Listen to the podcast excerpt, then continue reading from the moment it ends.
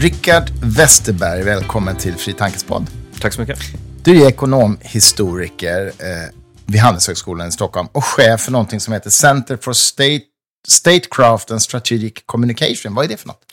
Det är ett eh, center på Handels där vi framförallt studerar hur stater och andra politiska aktörer använder sig av kommunikation för att nå sina mål. Okej. Okay. Intressant. Inkl inkluderar det också desinformation? Ja, absolut. Uh, mycket det här som nu är på agendan uh, med desinformation, missinformation, uh, men också generellt väldigt intresserad av propagandafrågor och också mm. i ett längre historiskt perspektiv försöka koppla ihop det som händer nu med dåtiden och inte bara stirra blint på att det här är någonting nytt utan mycket av det här är återkommande fenomen.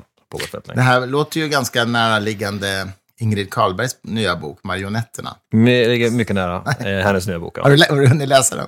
Tyvärr inte, Nej. men jag har haft lite, mejlat med henne lite. Ja, jag kan tänka mig, uh, jag kan mm. tänka mig det. Mm. Okej, okay, vad spännande. Alltså, är, det ett, är det ett stort liksom, forskningsprojekt där som Ja, det är det, det är det. Vi är en del av ett internationellt samarbete ja. eh, som heter The Axelson Johnson Institute for Statecraft and Diplomacy.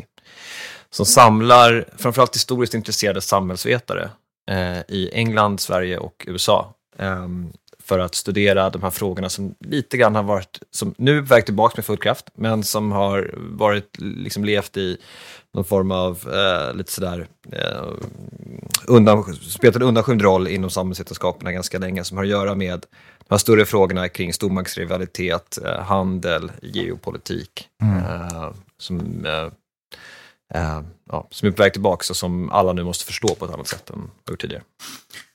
Spännande. Du, du är ju aktuell med en bok nu som heter Sista striden det är. Eh, historien om löntagarfonderna. Och eh, det, vi ska prata om den boken, verkligen. Eh, det är huvudämnet för den här podden, men jag vill prata lite om dig först. Mm. hur, hur, eh, hur vaknade ditt, ditt intresse för ekonomihistoria överhuvudtaget, så att säga, från början?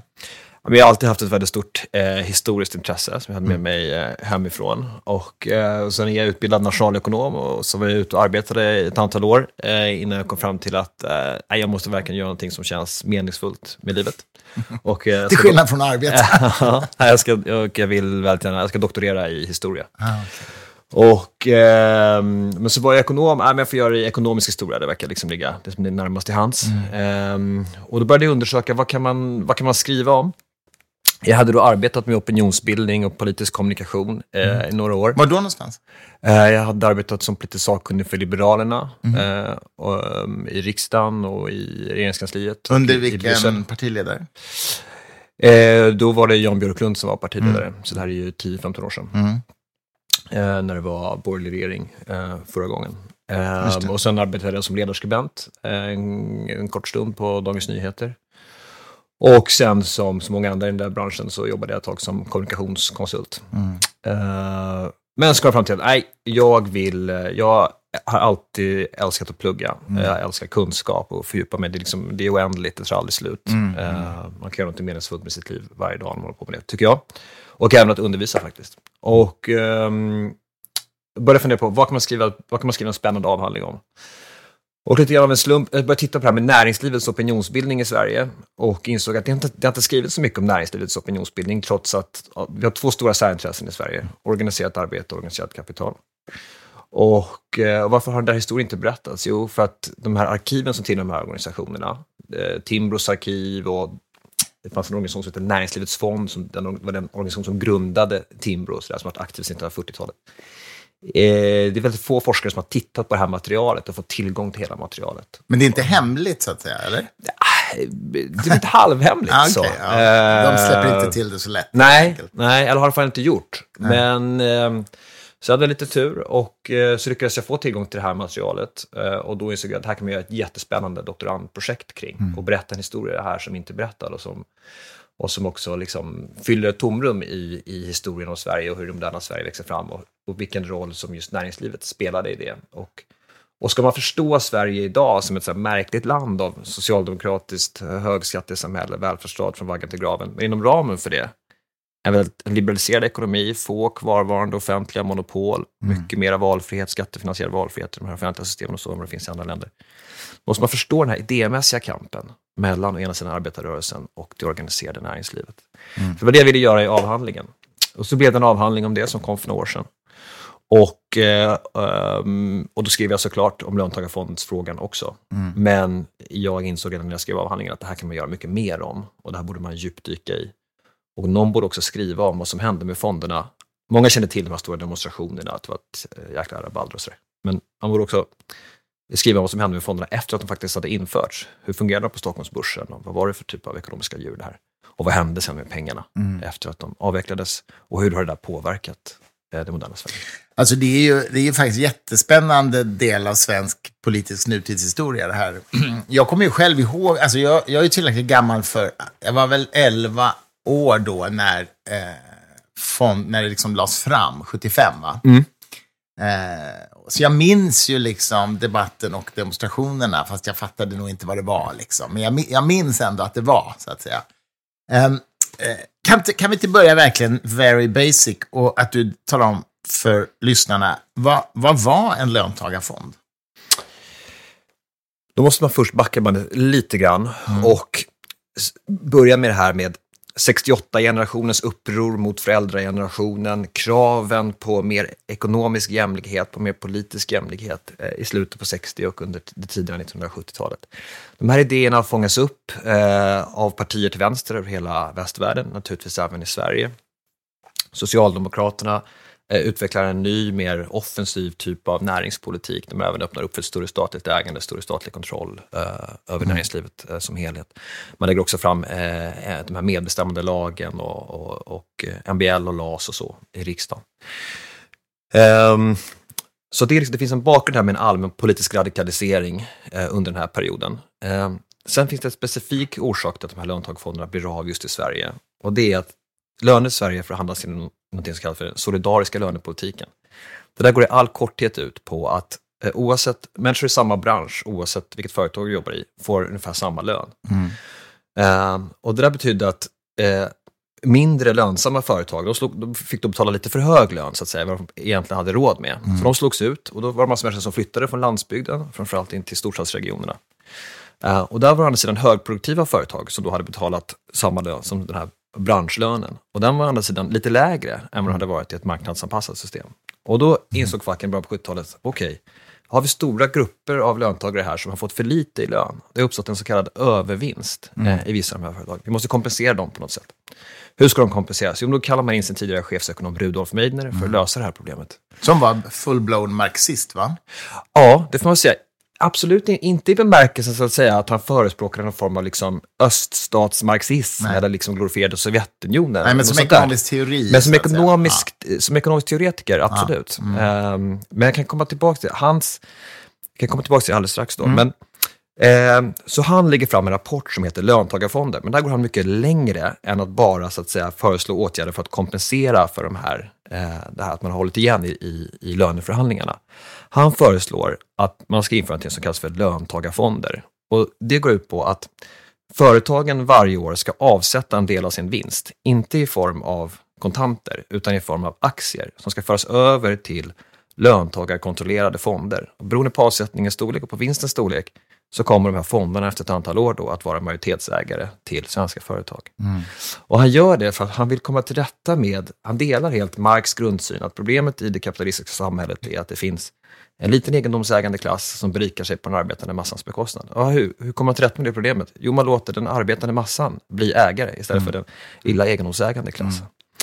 Och, ja, det är den eh, klassiska marxistiska ja, idén. Men det ska då inte ske via att, att det är staten som äger, utan det är fackföreningsrörelsen här som ska okay. vara dynamon i liksom samhällsutvecklingen. Och det är det, det, är det nyskapande? Det är det nya. Ah. Det är liksom den tredje, det är liksom vad han menar är liksom en ny väg mellan det kapitalistiska väst eh, och det liksom förstelnande eh, planekonomiska öst.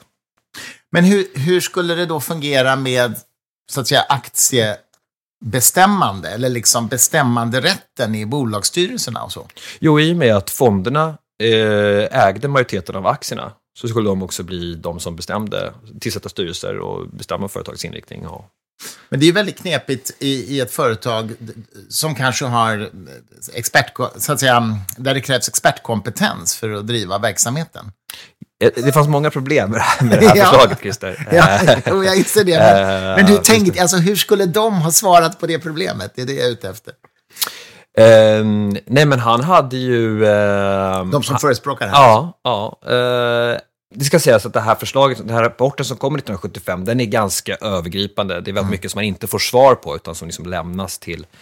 Okay. Också vad ska hända med multinationella företag? Hur ska man göra? Ska man ta över bankerna? Ska man ta över tidningsföretag? Hur gör man med de kooperativa företagen? Mm. Vem, vem ska få men den, offentlig, den, den, den, eh, den, offentliga sektorn växte snabbt här i 70-talet. Vad händer med alla människor som jobbar i, i, i offentliga företag eller offentliga verksamheter? Det fanns massa frågor som lämnades obesvarade. Mm.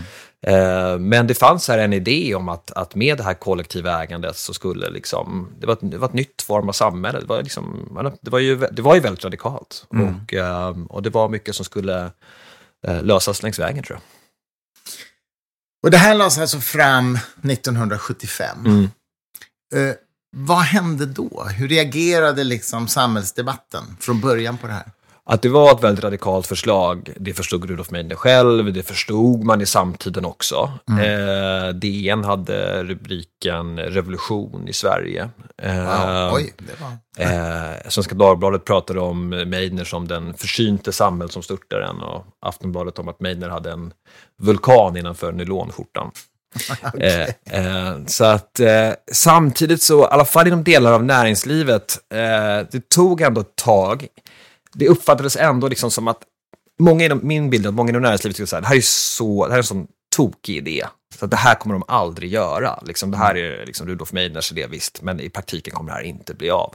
Så det tog ganska lång tid innan innan det blev en riktig konfrontation, då är vi faktiskt framme i början på 1980-talet. Mm. Det. det var många som hade kritiska röster, då, så det men, men de här riktiga konfrontationerna mellan, mellan arbetarrörelsen och näringslivet, det kom ju till stånd först i början på 80-talet. Mm. Men det finns många kritiska röster. Eh, Assar Lindbeck, den kände socialdemokratiska nationalekonomen, var eh, extremt kritisk. Och det fanns många inom näringslivet som var kritiska också. Det fanns också de inom näringslivet som öppnade upp för kompromisser kring det här.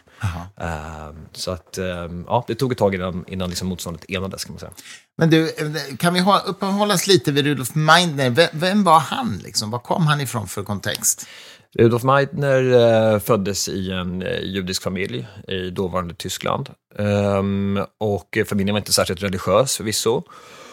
Um, han fattade tidigt tycke uh, för Karl Marx och särskilt det kommunistiska manifestet. Liksom mm. Liksom en fascination som han behöll uh, livet ut, som var liksom, säga, hans politiska liksom, inspiration som han ofta återkom till. Mm. Um, han var man såklart en ung judisk man med liksom socialistiskt intresse. Det gick inte att vara kvar i Tyskland. Det var mm. uh, naturligtvis extremt farligt att vara kvar i ja. Tyskland i början på 30-talet. Så han flydde till Sverige och uh, fortsatte sina studier Men här. Men innan så att säga? Ja, 1933 tror jag. Okay. Mm. Tidigt 30-tal. Fortsatte sina studier här under Gunnar Myrdal bland annat. Mm. Och, uh, och sen gjorde han en väldigt snabb karriär i, i, inom LO, och inom arbetarrörelsen, som ekonom, samhällsvetare. Och när dog han? Hur länge levde han? Eh, där sätter du mig lite på potkanten. Jag tror att han dog eh, för ungefär 15 år sedan. Ah, okay. Mm. Um, Okej, men eh, detta väcker alltså en del uppseende, men, men de riktiga protesterna bryter ut först i början på 80-talet. Mm. Vad är det som händer då som liksom genererar en helt annan nivå av reaktion? det är flera år. Ja, Socialdemokraterna är ju borta från makten. De förlorar ju två val, 76 och 79. Så kommer de tillbaka från 82. Och då blir det skarpt läge. Då säger de, vinner vi valet, då kommer löntagarfonderna införas kraftigt i en annan form än det som Meidners ursprungliga idé. Därför att framförallt Kjell-Olof Fält hade under de här åren i olika omgångar vattnat ur det här eh, förslaget. Det var han som skrev den berömda dikten. Det var han som skrev den berömda dikten. Löntagarfonder är ett jävla skit, nu har vi baxat dem ända hit. Ja, ja. som en, som en uh, kreativ fotograf lyckades zooma in, eller hur? Exakt, han satt i exakt av en slump. Ja. Det blev ju en rätt stor skandal. ja, ja, och jag, också, jag tror att väldigt många människor har liksom. Säger man något, om, om man har frågat mig senaste året vad jobbar med, jag håller på att skriva en bok om löntagarfonder. Ah, löntagarfonder är ett jävla skit. Den där dikten har liksom fastnat ja, i, vårt, kollektiv. Ja. Även om man inte riktigt vet vad, sakfrågan handlar om, men det Nej. har liksom fastnat.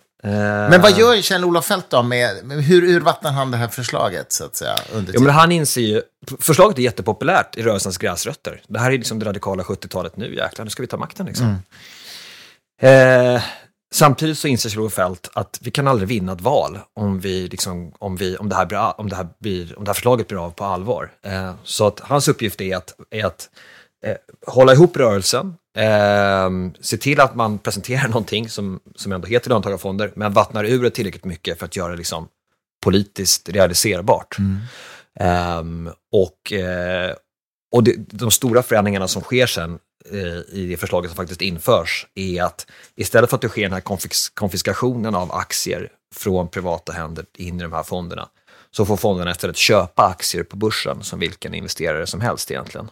Mm. Eh, och de finansieras via en, en ny skatt eh, och en allmän höjning av ATP-avgiften. Men, men eh, och så ska pengarna, deras avkastning ska användas för att eh, dels finansiera det svenska, det ska finnas tillgång till riskkapital för svenskt näringsliv mm. och även stärka upp eh, pensionssystemet som håller på att krascha i den ekonomiska krisens spår.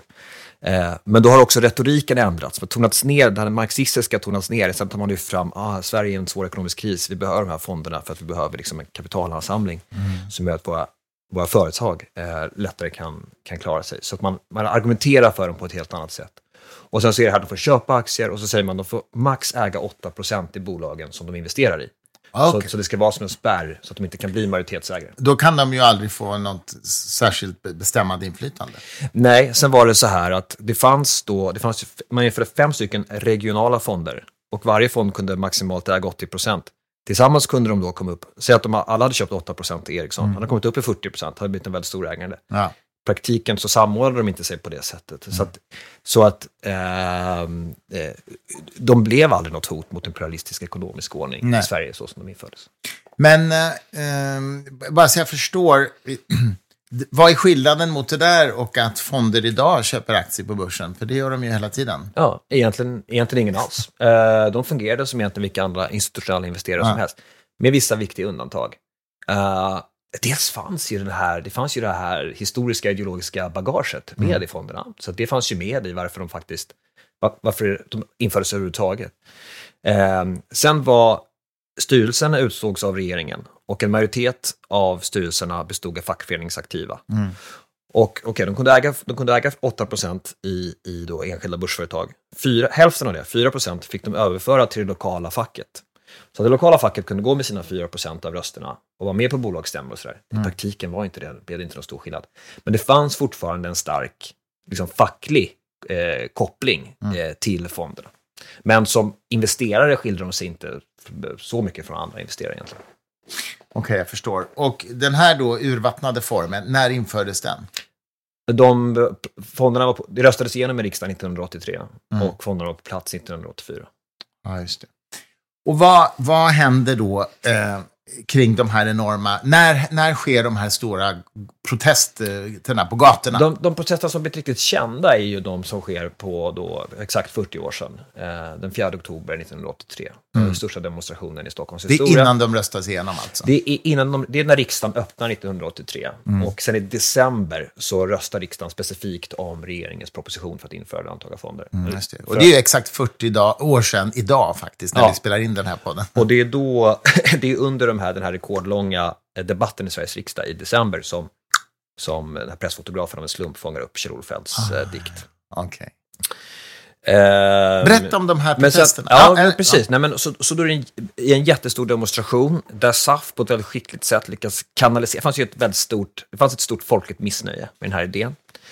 Eh, men anledningen till att, också till att de här till att demonstrationerna blir så pass stora är också att eh, SAF, alltså Arbetsgivarföreningen, är en väldigt rik organisation. Uh, man har byggt, upp sin opinionsbildande kapacitet med eh, Timbro och, och annat eh, under, under 1970-talet, stora kampanjer. Um, så det här blir liksom, här, man, man lyckas ta sin, både sin know-how och, och eh, sina finansiella muskler för att se till att skapa den här, eh, skapa den här demonstrationen. Som dock bygger naturligtvis på att det finns ett stort missnöje mot mm. själva idén i grunden. Men och då är det ju framförallt eh, mindre företag, alltså företagare som, personer som egenföretagare eh, är de som känner sig riktigt hotade av det här. Så tjänstemän, de här stora företagen, de hoppar på båten lite senare. Men i grunden är det ju liksom att folk som äger sina egna företag, oavsett om du är en, eh, oavsett om det är ett stort familjeföretag eller liksom mekaniska verkstaden i Motala, så, eh, så upplever man att det här är, liksom ett, det här är ett stort hot. Eh, och visserligen, förslaget har visserligen vattnats ur, men många av de här personerna ser det här som att ja, ja, det har vattnats ur, men vi vet ju egentligen vill ju, egentligen handlar det här om en form av mm. nationalisering av våra företag mm. och, eh, och det finns väldigt stark ideologisk underton i det här. Så att vi måste se till att det här aldrig, att det aldrig blir av. Och det är man ut för att demonstrera mot. Då. Men du, skulle du säga som ekonomhistoriker att, um, hur ska jag uttrycka det här, att det man protesterade mot var egentligen inte det förslag som låg på bordet, utan vad man var rädd att det kanske skulle utvecklas till? Där, där tycker jag är en jättebra fråga. Jag tycker man kan sammanfatta det som så här. Att det man egent, det, paradoxen är här att det man egentligen demonstrerar mot 1983, mm. det är 1975 års förslag. Ja. Och de som försvarade eh, förslaget 1983, de försvarar ju 1983 års förslag ja. och säger sådär, nej men det här är inte alls så farligt och liksom, eh, nu, ni bara står på stora trumman i onödan och så. Så att, men det där blir någon form av, det där blir någon form av politisk bedömning. Liksom. Och, och det är klart att så här i efterhand så kan vi lätt konstatera att nej, de här fonderna visade sig vara helt ofarliga. De mm. hade liksom inga, mm, eh, de var inte revolutionära, att de skulle ta över svensk industri eller sådär. Eh, men, eh, men det var många som hade svårt att tro på det då, 1983. Mm. Ja, men det där är ju intressant, för det ger ju någon slags, eller jag får i alla fall associationer till till exempel Brexit-kampanjen i England, att man liksom målar upp en halmgubbe av, av, av så att säga, riskerna mm. som inte finns där, så att säga. Som en, en form av desinformation. Mm. Uh. Ja, många av dem som, eh, många av de som var för förslaget då så tyckte ju att det här är, liksom, det här är, det här är väldigt överdrivet mm. eh, från, från näringslivets sida. Och det, jag skriver i boken också att Visst, det här, liksom, demonstrationerna handlar om löntagarfonder, men det här, eh, sen fortsätter man ju protestera under resten av 80-talet. Det är nya demonst jättestora demonstrationer 1984, eh, man fyller Stockholms stadion 1987. Man fyller, och då är det redan genomdrivet? Då är, ju, då är fonderna på plats eh, och man fyller Globen 1989. Mycket av glöden från 1983 har då försvunnit, det är inte mm. samma, för att, för att de är inte, i praktiken så är inte, utgör de inget hot. Mm de här fonderna. Men, och då breddas också den här rörelsen till att handla mer generellt om, om privat ägande, om lägre skatter, eh, mindre offentlig sektor, mm. eh, mer individualism och så. Så det blir liksom en antisocialistisk rörelse kan man säga under 80-talet, som jag menar också ligger till grund för de här avregleringarna som kommer sen på, mm. på, 1900, på 1990-talet. Men poängen är att Eh, löntagarfondsfrågan är liksom det här som drar igång den, den här rörelsen och som är liksom kärnfrågan. Men egentligen så handlar det ju här om en, och det inser ju både Olof Palme och det inser också informationschefen på SAF, en legendarisk informationsdirektör som heter Sture Eskilsson. Det handlar det här om en större fråga, om vilken typ av samhälle Sverige ska vara. Ska det vara ett Sverige baserat på stark marknadskontroll och kollektiv? Eller ska Sverige vara ett samhälle baserat på individer och fria marknader? Och här mm. är det två diametralt olika uppfattningar om vad som utgör ett gott samhälle. Mm. Vilka var de tongivande personerna bakom de här stora, den här stora rörelsen, proteströrelsen mot löntagarfonder? Dels fanns det ju liksom organisatörer i bakgrunden, den här Eskilsson som jag just nämnde som var väldigt viktig, eh, SAFs eh, ordförande Kurt Nicolin, också en viktig person. Mm. Sen fanns det ju personer som mer, man ville, väldigt, man ville att den här rörelsen skulle företrädas av liksom, företagare av kött och blod. Och den här 4 oktober-kommittén leddes av en väldigt färgstark person som heter Gunnar Randholm som drev ett företag som heter Eldon i, i eh, Jönköpingstrakten. Många av de här kommer ju från Småland, traditionella mm. liksom, entreprenörsbältet i Sverige. Eh, Antonia Axelsson Jonsson, mm. eh, kvinna, var ung kvinna, ledare för ett jättestort familjeföretag. Hon var en annan sån här person som ofta syntes i de här demonstrationerna och blev liksom ett ansikte eh, mm. utåt. Um, Va, vad hände sen då med de här fonderna? För att det avvecklades ju till slut. Mm. När skedde det?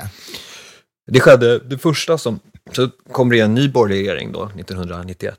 Mm. Och den första propositionen som de lägger på riksdagens bord är att avskaffa löntagarfonderna. Det är Carl Bildt då? Det är Carl Bildt. Mm. Ehm, och då har han ju också haft en regeringsdeklaration där han bland annat har sagt att nu står Sverige inför en valfrihetsrevolution. Vi ska göra om hur de offentliga systemen fungerar. Vi ska flytta makten från byråkrater och myndigheter, stat, kommun, landsting, eh, ner till de enskilda medborgarna som själva ska få bestämma hur man vill ha det med sin välfärd.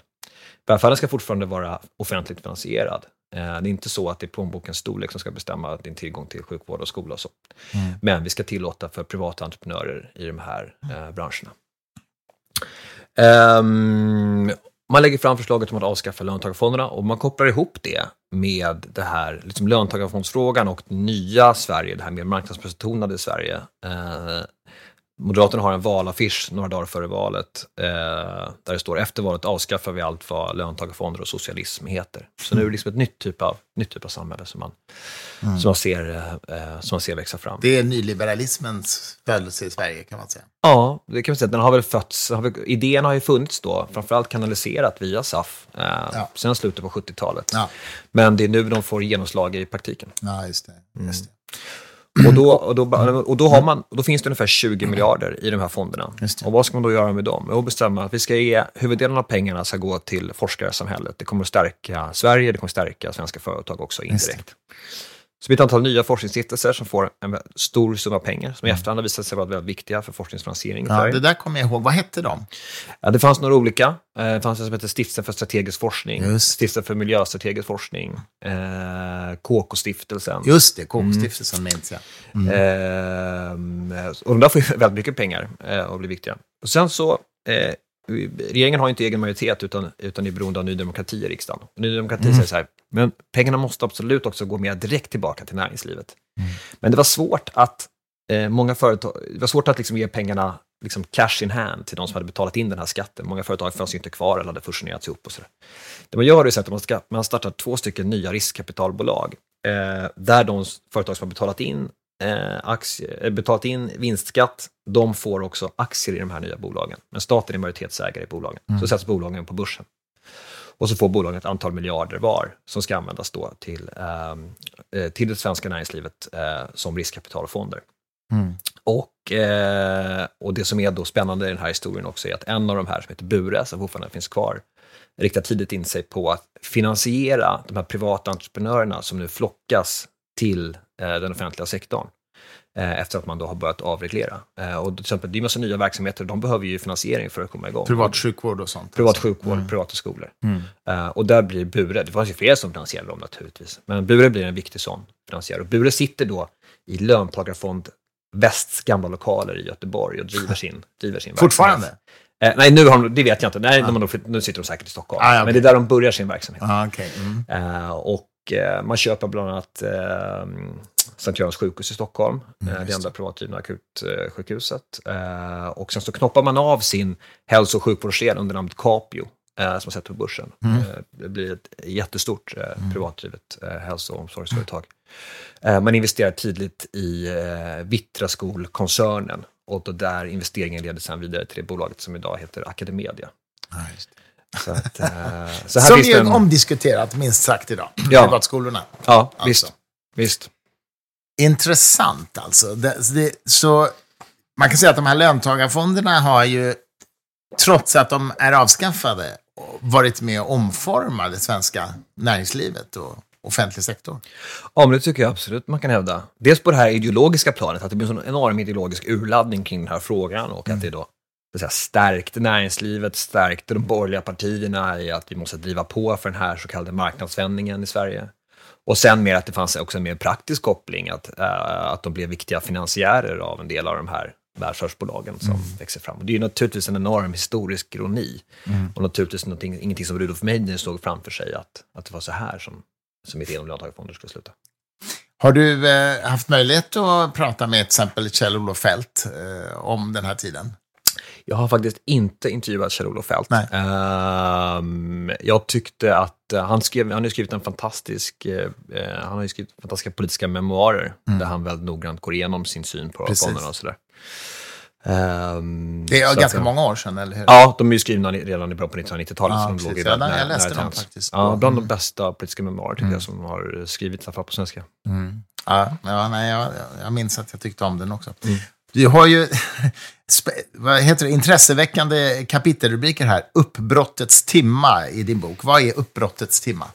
Det där är ju meningar från Internationalen. Mm. Eh, så att uh, olika meningar från Internationalen har fått sätta, använt för att sätta rubriker. Och även då titeln, Sista striden det är. Mm. Det, är också en, det är också en strof från Internationalen. Mm. Men, det, men det handlar också om att det här var, menar jag, liksom den riktiga sista striden mellan mellan organiserat arbete och eh, näringslivet i Sverige. Eh, om synen på socialism och synen på statligt eh, ägande som ju hade varit en, eller kollektivt ägande kan vi säga, som ju hade varit en stor liksom, stridsfråga under hela 1900-talet. Mm.